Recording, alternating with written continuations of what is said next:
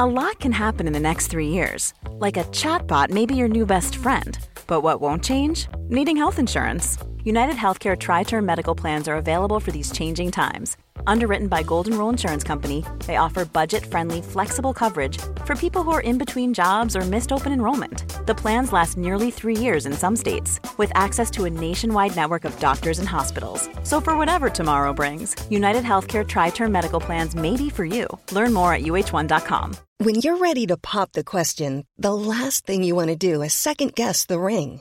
At Bluenile.com, you can design a one of a kind ring with the ease and convenience of shopping online. Choose your diamond and setting. When you find the one, you'll get it delivered right to your door. Go to Bluenile.com and use promo code LISTEN to get $50 off your purchase of $500 or more. That's code LISTEN at Bluenile.com for $50 off your purchase.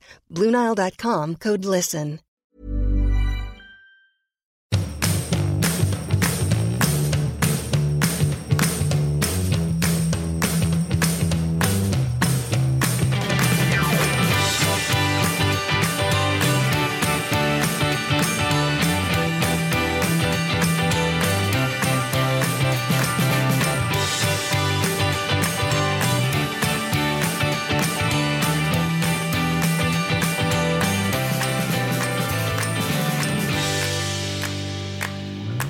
Välkomna till veckans lillelördag i efterdyningarna utav metoo-manifestationen.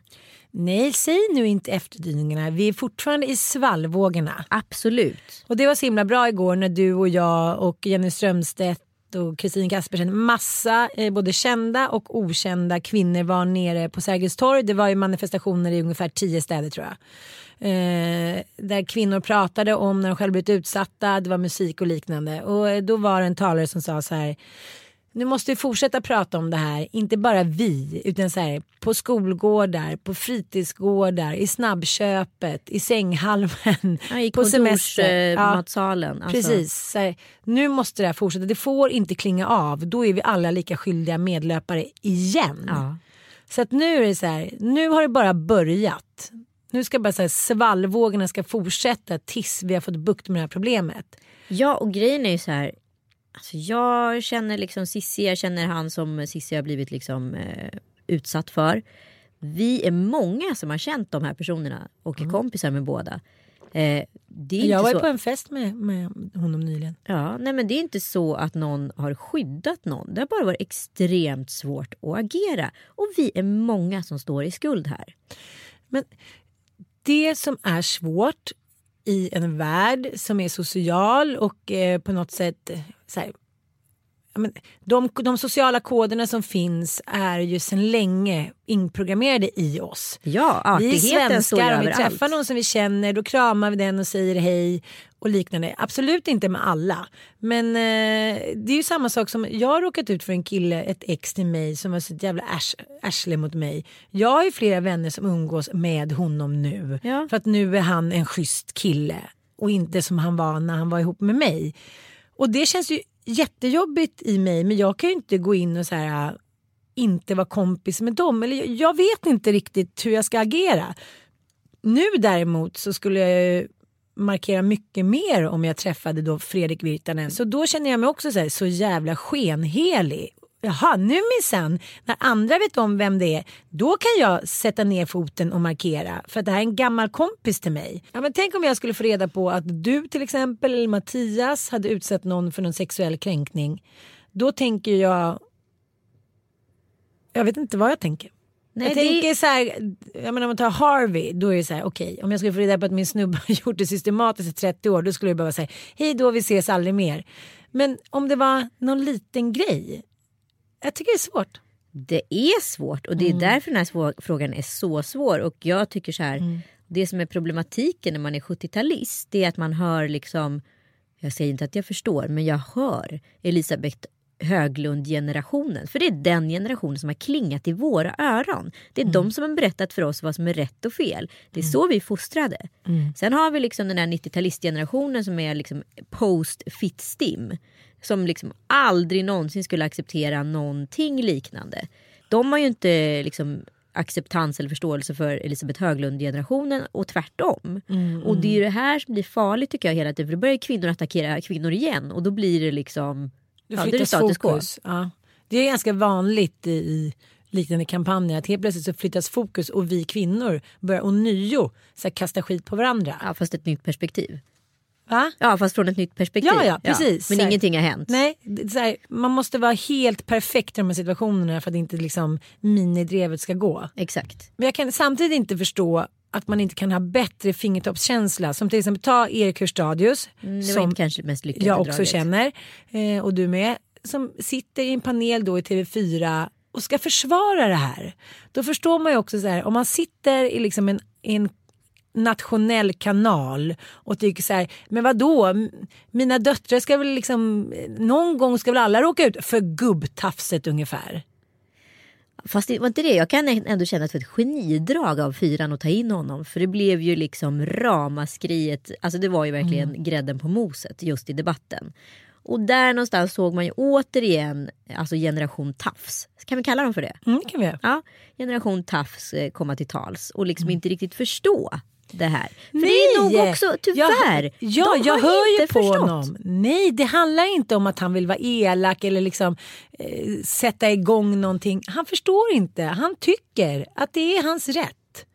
Att på fyllan tafsa loss lite för att det är lite gubbhärligt. Alla son och dalkullerna. Ja, och jag har ju varit på en hemmafest för bara liksom ett år sedan varav en man nöp mig i rumpan och gjorde shh tecknet efteråt. För det är jobbigare för mig att så här, outa den här mannen inför hans fru och massa andra Mm. än att liksom ta skammen och så är det här vår tysta lilla hemlighet. Jo, jag vet. Ska vi gå vidare i Jag livet vet. bara? Men det är där det, är där det måste förändras. Om du skulle säga så här då, vad fan håller du på med ditt äckel? Nyper du med i rumpan? Vad tror du din fru säger? Han skulle aldrig mer göra om det. Nej. Det behövs en sån reprimand och så, så här, står man där med skampålen. Alltså så är det bara. Ja. Å andra sidan, det som har skett historiskt när man har gjort sådana där grejer. Det är att frugan backar upp snubben och så blir det bråk mot tjejen Mm. och sen så är man liksom paria. Det är samma sak med misshandelsfall. Jag har flera kompisar som har anmält eh, deras kompis man och då har hon vänt om ryggen också. Men till slut är det ju ändå det helt rätt sätt. Förstår du? Till slut så inser de flesta att jag kan inte leva så här. Man kommer till en point of no return. Men det har ju varit en valsning om jag vill säga så i media. Martin Timell, eh, Lasse Kroner, hitan och ditan. Så här, de har bara fallit som käglor. Ja, och, Och Martin, deras taffliga ursäkter. Nej, det var ingen mediacoach som hade hjälpt dem där. Inte. Nej. De har stått så själva där ute på Sibiriens liksom, norra kust och frysit och frysit och försökt stamma upp någonting. Ja, eh, det har varit ett eh, det har varit ett spektakel tycker jag. Ja, verkligen. Och, eh, till Mart- inte till Martin Timells försvar, för det kommer aldrig kunna ske. Men han är ju den sista, liksom, vad ska jag säga, reliken från en tv-era då det här var fullt möjligt att genomföra. Han är ju tv-personifierat, alltså gammel-tv personifierat. En karismatisk eh, tv-programledare som sitter på ett kontrakt som få personer kanske gör i Sverige idag. Eh, och med en, liksom, med en status som man liksom inte kommit åt. Och det är ju så här TV4 säger att de ska se över sina rutiner och sina avtal med produktionsbolagen. Men det är ju TV4 som har stångat in honom säsong efter säsong. Fast alla producenter, alla från produktionsbolaget har reagerat år efter år efter år. Det är faktiskt sån jävla skandal. Ja, och det här är ju det är många som är skyldiga här. Alltså det går ju högt upp i ledningen. Den där badtunnan har man ju hö- hört om i liksom åratal. Herregud, jag hörde väl om det här från den där festen ägde rum. Liksom. Och det har ju varit en skandal inofficiellt i tv-branschen i otroligt många år. Och ändå. Mm. Det är fascinerande. Ja, nej, det går inte att, det går inte att inte liksom bli häpnad själv. Det är som att man, det är någon som har liksom rullat upp rullgardinen. Liksom. Men jag tänker att det här känns ju ändå ganska nytt att den här rullgardinen har rullats upp i Sverige. Eh, men samtidigt kan jag känna så här. Jag tycker ändå vi sitter här och feglirar. Jag tänker till exempel på Gunilla Axell då som har fått hon och tre kollegor på fotbollsförbundet. De är alltså före detta så här, landslagsspelare som har suttit där. Eh, mammor, fruar som har liksom fått bilder på kukar skickade till sig. Så här, God morgon Gunilla, ha en fin dag. En landslagsspelare som tyckte så här, nu vill jag runka upp ballen lite och så här, skicka iväg till Gunilla där borta på kansliet. Och då känner jag också så här, förlåt att jag säger det, men dessa ryggradslösa äkta snubbar. För jag har ju varit på fester där killar har tafsat på med mina kompisars flickvänner och de har liksom tittat bort och vill inte ställa till med någon skandal här ute på krogen eller på festen. Så, det, är så här, det har ju varit ett massivt feglir överallt. Ja och samtidigt så är det ju så här att vi är ju vuxna, uppvuxna på 90-talet och då var ju liksom Sverige 69 sexigaste. Det är det vi pratar om med kvinnogrisarna. Det var dåtidens Elgala. Kvinnan har hela tiden varit från bimbo till brimbo. Business and, eller brains and mm. boobs typ. Mm. Eh, och liksom, det har ju hela, vi har hela tiden blivit liksom mest lyckliga för komplimangen. Gud vad fin du är, gud vad mm. söt du är. Det har stått över allt. Eller vad sexig du är. Vad sexig du är. Mm. Det har stått överallt. Och vi har mm. alltid liksom hela tiden programmerats till att vara behagssjuka. Jag vet, men jag tycker ändå att 90-talet kom ju med sin nya tv-era och hela det här massmediala att man säger över natt kunde bli någon och hit och dit. Det liksom förstörde ju väldigt, väldigt mycket för oss kvinnor. Jag Absolut. Ihåg, jag praktiserade ju på TV4. Ja. Jag behöver inte nämna några namn där heller. Men då hade jag ju såklart en relation med en av liksom programledarna där. Det var ju firmafest och in på toa och hångla upp lite och göra både det ena och det andra. Och liksom, det är hela tiden att man är i beroendeställning. Jag var 20 år gammal. Nej, men vi måste också kommentera det som du sa i förra podden. Det här med den försvagade länken som du ja påstådde med eh, Cissi Wallin. Ja men alltså mm. så här, allt från en diagnos, från att vara ung, från att vara i en beroende situation, alltså yrkesmässigt, alltså på något sätt är man försvagad. Det är liksom godis för maktmän. De mm. luktar sig till de typerna av svaghet och nyttjar dem på mm. absoluta sätt. Jag menade ingenting annat om det är någon som har tolkat det på det sättet. Det är verkligen inget annat jag menat. Nej, jag tycker att vi plockar bort hela den där eh, kombinations bokstavskombinationspåståendet. Det det handlar om är att människor, kvinnor och män som är dels i beroendeposition och dels försvagade. De är så här, det nosar sig de här männen och vissa kvinnor till. Det vet jag ju själv när jag har liksom perioder när man har mått dåligt som när min mamma gick bort och liknande man hade inget att sätta emot. Nej. Nej.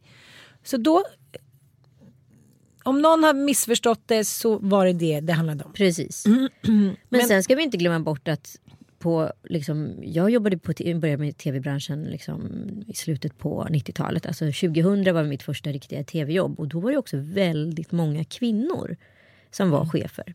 Mm. Men de här kvinnorna bedrev ju inte någon typ av chefskap som idag skulle anses som ett kvinnligt chefskap. Utan de alliera sig. De hade en inre cirkel av eh, alltså stålkvinnor, kan man kalla dem för det. Och sen så i, de, i en yttre cirkel, precis som utanför dem, så fanns det liksom ett gäng män. Och sen så valde de män i produktioner som att de valde godis ur en godispåse. Mm. Ja, nej, inte ska väl jag ha en liten napp. Inte, nej, jag vill ha en bil. Ska vi ha bil? Nu sätter vi honom på kamera tre. Du vet, så mm. där höll det på. Mm och nyttjades och pissade så oerhört mycket neråt på kvinnor också. Så att så här, vi kommer från väldigt olika strukturella förutsättningar. Det är det jag säger att vi som generationer måste mötas i det här och det är det jag tycker är så fint med metoo att det verkligen har funkat. Att mm. alla har tagit liksom bladet från munnen och sagt att alla har varit med om det. För det som, som jag gärna vill här, gå in och här, säga en liten kommentar om är att, att vi kvinnor ska framställas som att vi har varit så jävla härliga i den här branschen. Det har vi inte. Det är som du säger, det har sparkats neråt, det har varit favoriseringar. Många tjejer har då känt att de måste vara som snubbar. Lite kanske eh, frontfiguren för 90-talet, Anna Bråkenhielm. Alltså, starka kvinnor som så här, har mycket snubbkompisar och eh, liksom har tagit efter lite deras ledarstil. Ja. Och så är det inte längre. Men jag tänker på en jävligt intressant artikel jag läste i New York Times där de pratar om just det här mentorskapet som har funnits i alla tider. Nu helt plötsligt så är ju männen i USA livrädda för att överhuvudtaget liksom ha någon sån sponsorship till en yngre tjej. Eh, dels vill tjejerna inte det och dels vill eh, de äldre seni senior, seniors, männen inte det. För de, ett är rädda för snacket. Två är de rädda för stängda dörrar, eh, liksom att någon ska anklaga dem. Vilket leder till att så här, i många branscher så blir det här blir ännu, det blir jätteproblem för tjejerna. För det är jävligt bra med mentorskap. Det är någon som står upp för en. Det är ofta någon man är liksom lite minimi för. Det är någon som utmanar och liknande. Och i och med att Donald Trump kom nu, eller kom, vann, så har det ju blivit ettervärre liksom. Så då är det många företag som har eh, skapat liksom miljöer då, så här, öppna som restauranger där man då kan sitta med sitt liksom, ja, som man kan sponsra eller vara med, med den yngre medarbetaren. Ja, men man får alltså inte ha ett mentorskap innanför lyckta dörrar längre utan det ska ske i offentliga, öppna ja, miljöer. Precis, men det här skapar ju också att så här, ännu fler gubbar väljer män. Precis. Ja. Bara man pratar om det så leder det ofta till någonting bra. Men jag har ju några kompisar som jobbar som läkare i USA. Ja. Och de lägger undan liksom typ en tredjedel av lönen varje månad. För de vet att de under sin karriär kommer bli stämda typ så här, fyra, fem gånger och då behöver jag betala dyra belopp. Liksom. Det är helt otroligt. Ja. Men gud vad det har liksom vält upp eh, personliga historier och liksom eh, Mm. sjuka alltså, övergrepp Ja. under den här veckan. Kan man säga det? Det kan man göra. Men jag skulle också vilja här, kasta in den lilla brasklappen som jag skrev om på mitt Instagram igår. Att så här, många av de här männen och kvinnorna, de få kvinnorna, har ju också liksom, problem och är sjuka. Det är inte bara att de så här, på en fest så här, tog någon lite i rumpan. Att precis som att det finns missbruk och beroende i alla andra liksom, delar av missbruksproblematiken som alkohol, knark, spel, träning. Sex. Ja, så är det här också. Jag tycker att det framställs så, så här, hejsan svojsan, det var någon som tyckte att han hade lite makt och då körde han på med den här vidriga stilen i 20 år. Så är det ju såklart inte. Nej, det är klart Nej. att det är ett sjukligt beteende. Mm. Och det är ju lite det som har varit, som jag upplever har varit problematiken med det här. I alla fall de situationer som jag har stött på det här. Att det är lite som att ha en alkoholist i rummet. Mm, det är en elefant där som ingen riktigt vågar belysa. Oj, oj, oj, nu är han på. Nu får vi, så här, nu får vi, nu får vi hantera honom. Mm. Nu ska vi se till så att han inte blir för full, så att han börjar tafsa. Ah. Och så får vi se till så att han inte vad heter det, eh, trycker upp den där tjejen mot väggen som han gjorde på julfesten Att han sist. inte är ensam Att han inte är. Mm. ensam. Och sen så ser någon till att följa med honom hem i taxi så att han klarar, alltså att han, ja, och det är Ah. gärna du då man som eh, inte kan, ja, som han Ja, inte skulle man kunna kan inte ge sig på. som man inte kan ge sig på. Och så där har det ju varit. Liksom, Det är ett klassiskt medberoende. Mycket. Det är ett klassiskt medberoende och därför är det också jävligt svårt, har varit jävligt svårt att agera. Men det är just det här som jag är så jävla trött på. Att man alltid ska förhålla sig till den här typen av människorna. Ja, jag det är så här, som det. Harvey, hans anställda fick ju så här, ja men eh, de fick ju då reglement där det så här, ha på er en viss typ av kläder, ha gärna ytterkläderna på när ni ska träffa honom, titta inte på honom, alltså så här, det är helt vansinnigt. Om inte du i chefsposition kan liksom sköta dig, då kan inte du vara i chefsposition. En chef ska vara en förebild och en ledare, så enkelt är det bara. Nej men och, och saken är den att eh, när jag har jobbat ut med no, jag vet riktiga slembollar som har pratats om i media och inte pratats om i media. Liksom. Eh, och anledningen varför jag har kommit undan det är för att jag har varit deras chef.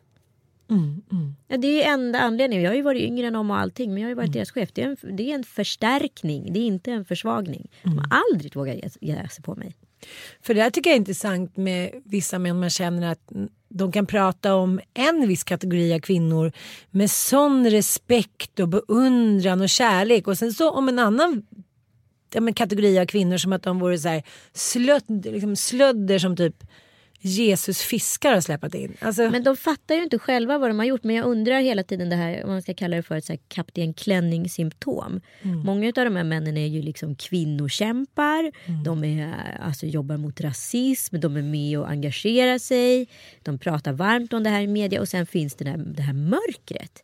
Jag tror de att de råder, råder bot på mörkret genom att vara engagerade?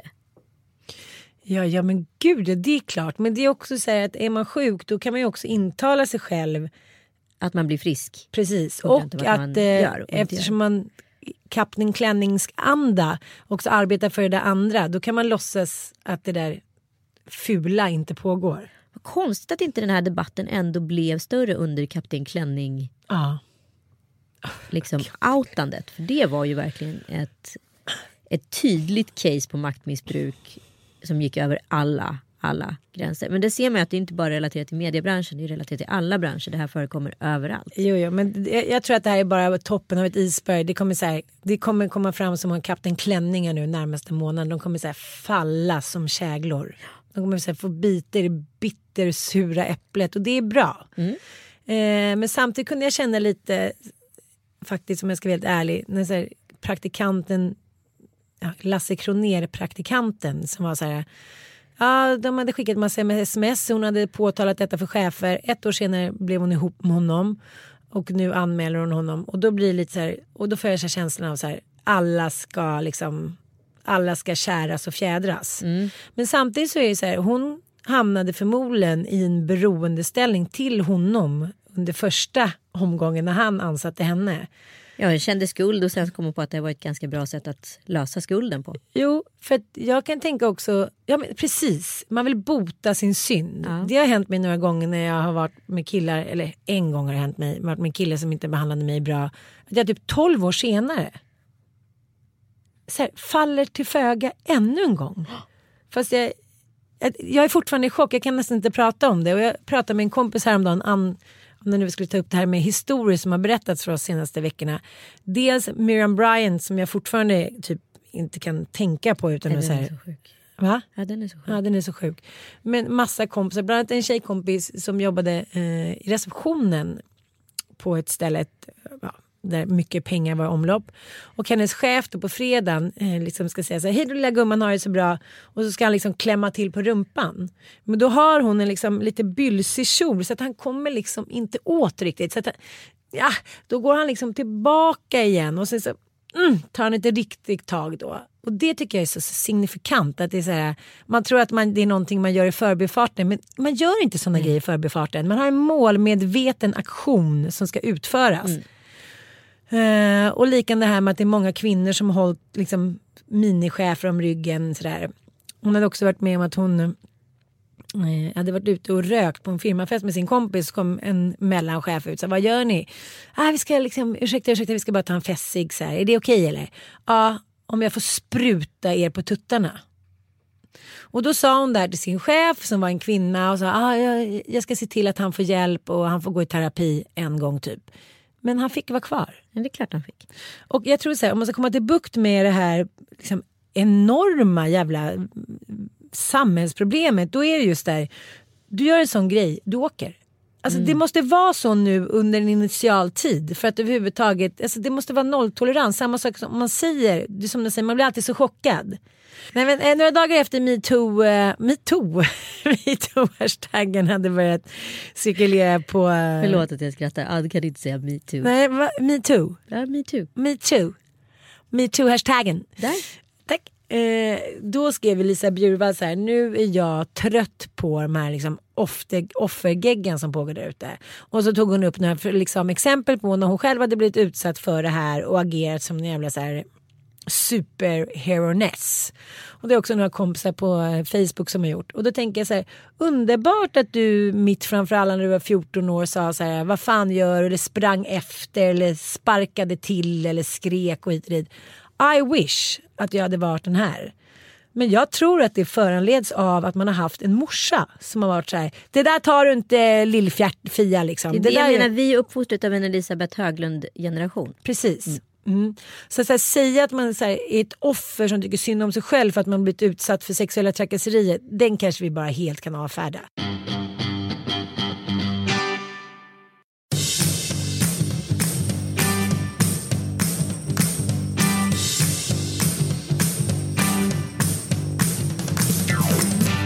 Ja men det är samma sak för att bara förtydliga det här att att det inte alltid är så lätt att göra någonting. Om man till exempel läser studierna kring den här freeze Ja. som händer 70% av våldtäktsoffer. Att man blir utsatt för någonting från ingenstans. Man kanske går liksom på väg till bussen så kommer någon och man vet att liksom, kämpar man emot så kommer man förmodligen att, liksom, att dö eller Ja. råka riktigt illa ut. Då hamnar man i den här freeze. Att man är här, det är som att man går ner i Alltså, hi, alltså, frysläge Ja. helt enkelt. Och när det är över så vaknar man till liv igen. Så, så här, att man då ska börja skrika så här, din jävel lägg av och så här, det, det är ingenting som vi själva rår över. Nej, nej, nej. Och jag tänker på det här med skulden och skammen att man ofta går tillbaka till sin förövare. I det här fallet då som jag antar att eh, den här Kroner-praktikanten gjorde. En kompis till mig berättade för att hon har varit ute i sin småstad med en kompis. De ser två snygga killar, de bjuds på drinkar. De är över 40 så det är liksom inga så här, åh, unga tjejer som råkar illa ut utan medvetet går de fram till de här killarna och vill konkurrera ut de två tjejerna som de pratar med. De hamnar på efterfest och eh, min kompis står liksom, han har som en bardisk. Så hon står liksom upp ja, men med rumpan mot en, lite som att hon hasar lite så här, lite i position. Hennes kompis eh, är någon annanstans eh, och helt plötsligt bara känner hon någonting så här i underlivet. Det är liksom inte ett finger, det är inte en penis, eh, det är inte en tampong. Det är bara, uh, du vet, 5-10 sekunder. Hon var ganska onykter så att hon, hon tänkte inte mer på det. De eh, går in på hans eh, sovrum och ska liksom ha sex och sen så plötsligt känner hon bara när hon ligger där när han är på toaletten. Nej, den här killen är inte bra. Det här är farligt. Så hon sticker iväg. Så hon går ut, ska ta sin väska i köket. Då ser hon en liten sån här latte-elvisp. Du vet så här, som är som en smal liksom liten eh, ja, en, vajer. liten, här, en liten minivisp. Ja, en klass. Ja. Hon, du vet direkt, hon bara, det är den han stoppade upp i mitt underliv. Äh, fy fan ja. sjukt. Jag tänkte, du vet ju hur de ser ut. Ja, de ja, kan ju dra, de kan ju förstöra ett helt underliv. Och han hade så här, liksom respekterat jobb, hög position. Och hon bara sprang ut därifrån och så här, tänkte, vad fan hände? Stoppade han upp lattevispen i min mutta? Ja, det var det det var. Det var det han gjorde. Helt vansinnigt. Och då hon liksom... Han vet vem hon är. Hon är så här, någon som man känner till på den här orten. Hon är liksom väl respekterad. Tycker han fick han feeling att han skulle stoppa upp en liten lattevisp i hennes slida. Ja, säga vad man vill men män har ju helt andra sexuella preferenser. än Några kvinnor. månader senare går hon och käkar lunch med honom och sitter på den där lunchen och- och känner så här, men vad är grejen? Det, det är konstiga mekanismer. Skuld och skam och eh, Men jag skällde ju ut en man som, undergivelse. Ja. Jag skällde ut en man som kom fram till mig och min väninna. Eh, vi satt på teatergrillen och eh, käkade middag. Han var uppenbart liksom kokainpåverkad. Kommer fram till oss, det är en man jag känner, vid bordet och bara vill ha 30 centimeter kuk uppstoppad i fittan nu så säg till. Säger min väninna. Vadå? Ni sitter bara och har en random middag? middag. Klockan är kanske tio på kvällen. Han är så kolad. Han har varit där sedan länge. Det ser man på honom. Varav jag bara, nej nu räcker det ditt jävla arsle. Ställer mig upp och skäller ut honom inför hela restaurangen. Vet, han skäms så mycket så han skickar, jag tror han skickar 380 sms till mig inom loppet utav två dygn. Sen så vill han ta en förlåt mig lunch. Mm. Då gjorde han det. Fick han göra det. Kommer aldrig förlåta honom men jag sa bara, det var ju bättre det att han så här, han fattade att han hade gjort fel. Ja men det är det jag menar som min kompis då. Om hon hade sagt till sin chef när han för andra gången skulle ta henne i rumpan så här. Nu är det andra gången Ja. du försöker ta mig i rumpan. Det är fredag eftermiddag. Du ska hem till din fru och dina barn. Du borde tänka jävligt noga på vad du gör. Det där är sexuellt ofredande. Ett jävla stolpskott. Då skulle han aldrig mer göra det. Och det är det som är också så otroligt talande tycker jag. Jag kan bara inte släppa den här lilla intervjun med Caroline Gertz. Som förut var medlem i Måndagsklubben och nu gör Det Okända på Ja. kanal 7. Mm. En ganska tuff lady. Verkligen. Ja. Eh, hon är på en firmafest med Martin Timell. Han eh, går fram till henne och säger så här, "Ah, följ med ska jag visa en grej. Eh, De går till hörnet av lokalen. Mitt, det är, men, ja, men, det är den moderna blottaren. Det är massa människor runt. Det är en firmafest liksom. Eh, han drar fram sin penis, eh, oklart tillstånd och så här, eh, vill du ta på den? Bara där så är det så här, här är ju en människa som är sjuk. Alltså annars gör man ju inte en sån här grej. Eh, hon säger så här, nej det vill jag faktiskt inte. Och sen förklarar hon i den här intervjun hur allting liksom faller då. Eftersom hon är inte en tjej som får skuld och skam och måste säga ja och ställa upp. Och hon är inte i någon position att hon kan bli av med jobbet eller bli skitsnackad. Utan hon är bara liksom en vuxen kvinna som möter honom jämlikt och då faller ju allt. Mm. Så han står där, hon beskriver så sjukt. Så står vi där några minuter till och Martin tar sig förstrött på sin penis. Som jag förmodar kanske har slaknat lite då. jag får inte insinuera. Men nu gjorde jag det ändå. Och sen säger hon tack och hej och går därifrån och fortsätter liksom. Och hon sa jag blev inte särskilt förnärmad. Jag blev inte liksom jag kände mig inte förnedrad. Jag tyckte bara att det var jävligt sorgligt. Lite som så här, kejsarens nya kläder. Att alla ser att han går naken men eftersom han är kungen eller eftersom han är kejsaren så säger ingen någonting. Ja, nej, Det är ju en, det är ju en uh, mänsklig tragedi rakt igenom. Mm. Vad ska man säga? Men vi alla har ju varit liksom med om olika saker. Och, alltså, jag skriver om ett övergrepp uh, i min bok. Alla mina liv heter den. Alla mina liv. Mm. kommer i 23 november. Mm. Men där är det liksom återigen jag, alltså det här är det, alltså, vi är uppvuxna på 90-talet. Ja. Alltså, vi har bara ens börjat skrapa på ytan. Jag kan, inte ens, jag kan inte ens lista antalet potentiella övergrepp vi har varit med om utan att ens fatta det själva.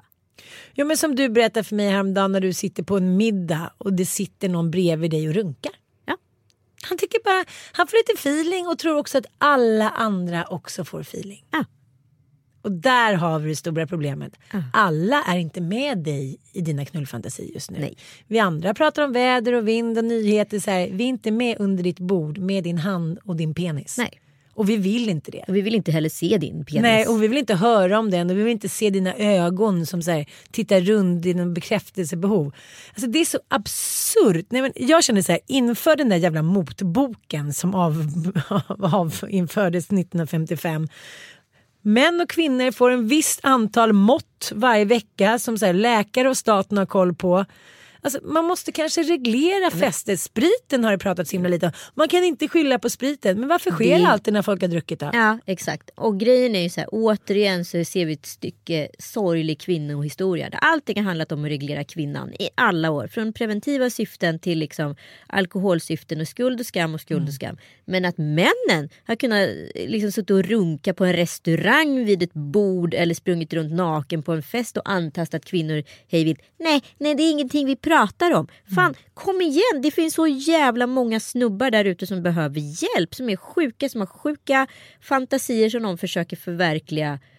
Alltså jag är så här, så länge saker och ting sker vid en dator eller sker liksom i stängda dörrar där man inte skadar en annan människa. Mm. Må så vara.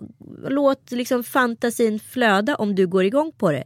Men så fort du börjar ta med dig dina liksom perversioner ut ur lokalen och försöka applicera det här på din omgivning och omgivningen inte har samma bilder i huvudet som dig. Då är du sjuk. Fast samtidigt, så här, jag läste om det där igår. 12-åringar som är beroende av youporn liksom, och sex på nätet.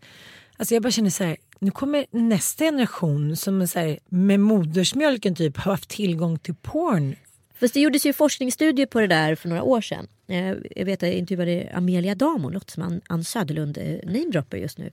Eh, de hade gjort forskning på 16-åringars hjärnor som hade liksom sett allt i porrväg och också typ gjort allt i porrväg med jämnåriga.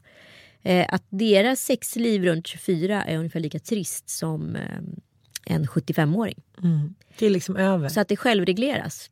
Oh, wow. Om det nu inte är så att man faktiskt är sjuk. Men jag menar. Ja. Ja, men jag tänker så här att i preventivt syfte så måste det här snacket börja redan på förskolan. Det måste upp i, så här, i de här ställena där den här kulturen skapas. Fotbollsarenor, eh, träningsställen, så fotboll, hockey. Eh, men det har ju många killkompisar till mig vittnat om att ah, men de var unga killar, de så skatade lite, de spelade lite pingis och så, så hamnade de i sportkulturen där ja. många grabbar samlas samtidigt. Och eh, hur det har skrämt dem. Att helt plötsligt så måste man vara med i ett visst snack, man måste ha ett visst surr, man måste ha en viss tankegång. Eh, det finns ett väldigt tydligt exempel, en killkompis till mig eh, ja, men som var jävligt grabbig, snackade mycket i hockeyomklädningsrummet. Fy fan jävla bruden ute var så röv, den skulle man vilja... Ganska ett, ett klassiskt snack in, tror jag. Eller vet jag. Och sen så eh, var det någon vecka där han hörde eh, några killkompisar prata om hans syrra på det sättet. Utan att de visste att han var där.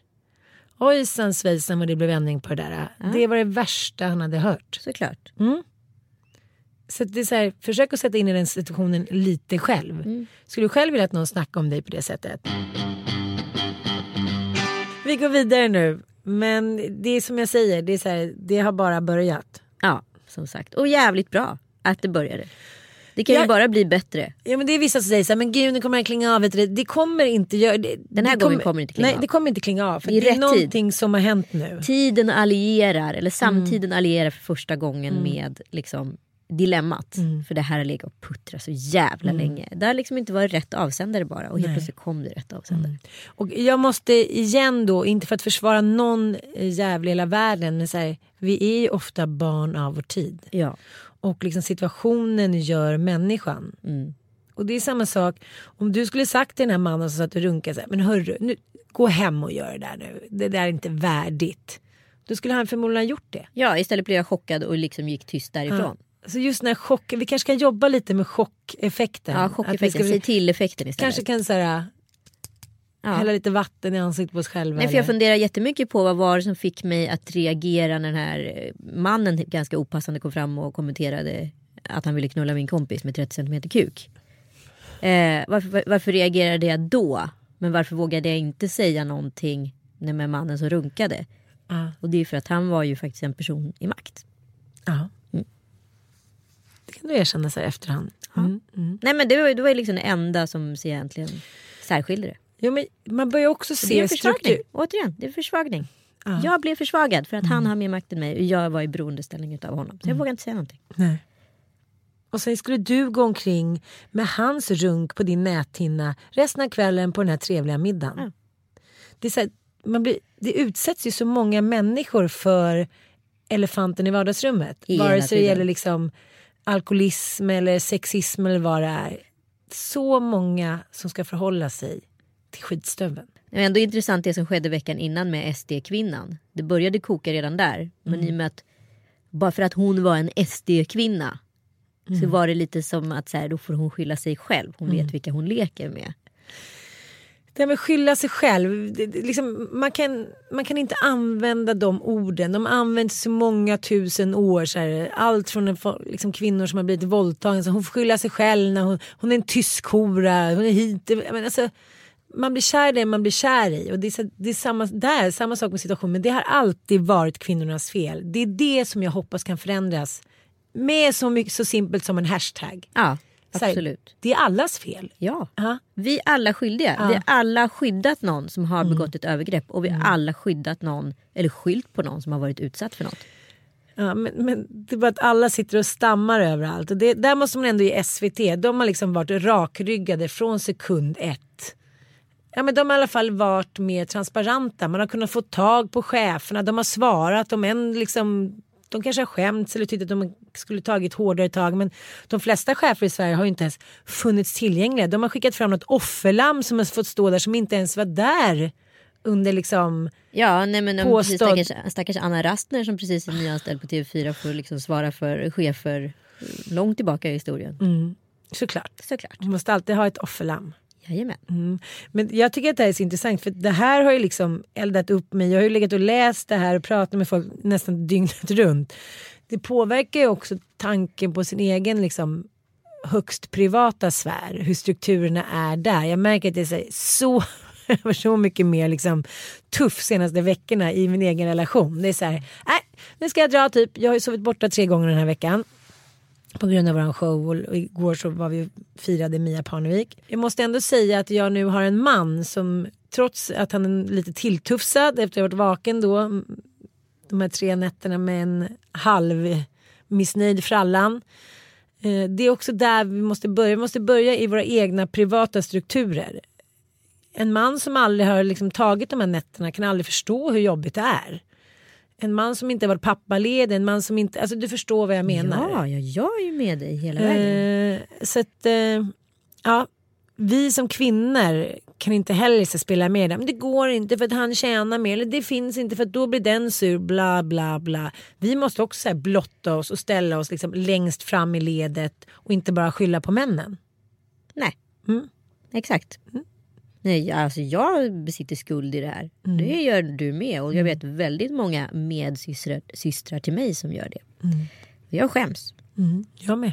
Jag vill be om ursäkt. Men jag vet inte till vem riktigt än. För det är så många som är drabbade. Har du eh, assaulted någon sexuellt? Nej, jag tror inte det. I alla fall ingen som har sagt till. Nej, men vi har också pratat med lite killkompisar. Däremot har jag ju varit medlöpare. Mm. Däremot har jag varit medlöpare några gånger när jag vetat om saker och inte sagt något.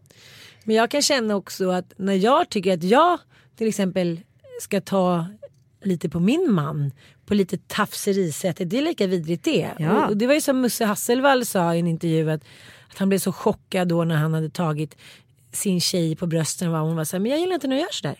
Och han blev så förnärmad och så brydd och så här, du vi är ihop ju. Jo, ja, men du tar frihet med min kropp. Så där kan jag också vara ibland jag går förbi Mattias. Tar dem lite på snoppen, lite förstört. Så. Det är lika vidrigt det. Ja, nej men det kan ju Joel också reagera på. Han har ju också varit med om att tjejer har tagit honom mellan benen ute. Mot sin vilja. Så att så här, eh, jag, tycker, jag tycker alla borde liksom ta en tank, få en tankeställare. Det handlar inte bara, det handlar till 99 procent om män. Men det handlar väl också till oss kvinnor att sätta make an example i sådana fall. Men jag tror att det handlar lite om det där att man som kvinna tycker så här, äh, vi har så mycket att ta igen. Tar vi någon snubbe på, på snoppen då är det så här, Ja men då är det omvänd sexism. ah, så det tycker de nog bara är härligt. Då är vi precis som snubbarna. Men då har vi inte lärt oss någonting. Vi har bara spegelvänt problematiken. Men vi måste prata lite om eh, Mias lilla tillställning igår på Steam i Västerås. Ja. Så jävla härligt hotell, det måste jag faktiskt säga. Jag älskar att det så här, poppar upp lite häran och däran så här, supersatsningar på så här, sköna hotell. Ja men nu var vi på inte Vox gjort- i Jönköping. Det var också helt otroligt. helt- ja. Där- och det är en jättecool ung tjej som startade det hotellet och sen blev hon uppköpt av Stordalen. Stordalen. Ja, hon var faktiskt på, på vår show, hon var supercool. Men det är så roligt det där att det satsas ute i landet. För jag tycker det är så jävla viktigt att man ska ha ett levande Sverige. Att det inte bara ska vara så fokuserat och centrerat i storstäderna. Det blir så roligt när liksom... Ja, men det där hotellet har ju förändrat hela liksom, Västerås såklart. Ja. Ja men så kom vi dit och jag trodde att det var typ du, jag, Mia och några till. Nej det var ju 30 brudar. Typ. Ja, och jag var så här, ojsan, hej är du här, är du här, är du här? Ja, men det var väldigt, väldigt härligt. Det här, det är det som är härligt med Mia. Hon är ju så jävla bjussig och bjuder in och är så Mm. otroligt så solidarisk. Alltså alla, jag fattar ju verkligen varför hon kallas för mamma Mia. För man är Mm. liksom hennes dotter på något konstigt sätt. Mia eh, tyckte spontant där inledningsvis på middagen att jag skulle hålla ett tal. Och jag kanske inte är hennes äldsta kompis men ja, det fick jag göra då. Men då jämförde jag henne faktiskt med Nelson Mandela. Att hon, skulle liksom behöva en, ett, en hel klan som hon bara kunde så här, förmedla kärlek och fred till. Typ. Ja, hon är en egen liten stam i Afrika. Hon är så här Venus, Venusberget håller jag på att säga. Nej hon är verkligen, hon har tid och blick för typ alla. Ja, jag tänker att hennes här, liv måste gå så mycket ut på att bara så här, ha tid för folk. Men jag tänker om jag själv skulle åkt hem från USA, skulle haft massa jobb. Eh, då skulle jag ju bara här, tagit in på hotell och lökat, kollat på serier och så här, dragit upp någon burgare på rummet och typ ringt och så här, snicksnackat med dig halva natten. Ja. Nej men då drar hon ihop liksom 25 brudar som hon här, har värsta festen för. ja, det är så roligt. Men hon sa det är så mycket kompisar så nu måste jag ha fyra 50-årsfester. Ja, men i hennes fall är det väl så. Jag funderar Ja, men- själv på min egen 40-årsfest börjar inse att det börjar ticka upp på 250 pers. Liksom. 250, Ja, det det är ett skämt. Det kan du glömma, det kommer inte gå. Ja, men det vet jag väl. Får vi dela upp det på två? Vi ska väl åka utomlands? Ja, ja, ja. ja. ja, ja, ja. Jo, du har sagt det till mig. ja men jag kommer inte säga vad som händer. Nej men det är så jävla härligt med den där inställningen ändå. För det, är så här, det enda vi vet är ju att vi är här, här och nu. Ja. Och det som du sa också att så här, livskvaliteten den blir ju liksom naggad på när det bara är så här nästa grej, nästa grej, nästa grej. Man får ju Eh, aldrig stå still i, i Nej. liksom känslan. Nej. Eller, alltså, jag är ju med om otroliga grejer. Vi står på scen i Jönköping inför liksom 250 brudar. Och liksom, jag hinner inte ens ta in stunden. Nej. För att jag måste veta att imorgon sker det här och då ska det här, alltså du vet den här jakten. Jag står inte ut alltså. Eftersom vi nu ska bli bättre på att leva i nuet och liksom inse vad det är som är riktigt och så, ja, men, vad det är som är viktigt och riktigt. Det ska vi tänka på nu tillsammans med er älskade lyssnare i typ ja, några minuter. Ja, så därför ska du Ann Söderlund sjunga för oss. Nej det ska jag Jo, inte. det ska du. Nej Och det ska jag inte. du ska Hör du inte sjunga. min röst den här morgonen? och du ska sjunga Älska mig för den jag är. Nej det ska jag Jo, inte. det ska du. Älska mig för den jag är. Hej då, vi älskar er.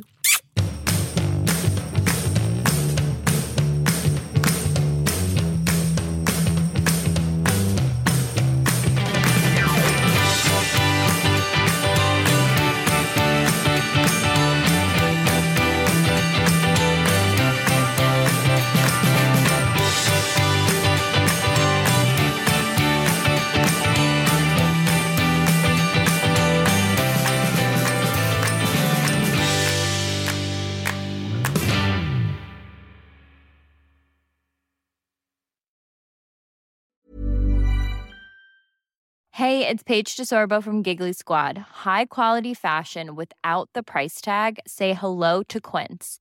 I'm snagging high-end essentials like cozy cashmere sweaters, sleek leather jackets, fine jewelry, and so much more. With Quince being 50 to 80% less than similar brands. And they partner with factories that prioritize safe, ethical, and responsible manufacturing. I love that. Luxury quality within reach. Go to quince.com slash style to get free shipping and 365 day returns on your next order. Quince.com slash style. Imagine the softest sheets you've ever felt. Now imagine them getting even softer over time. That's what you'll feel with Bowl and Branch's organic cotton sheets. In a recent customer survey, 96% replied that Bowl and Branch sheets get softer with every wash. Start getting your best night's sleep in these sheets that get softer and softer for years to come. Try their sheets with a 30-night guarantee. Plus, get 15% off your first order at bowlandbranch.com. Code BUTTERY. Exclusions apply. See site for details.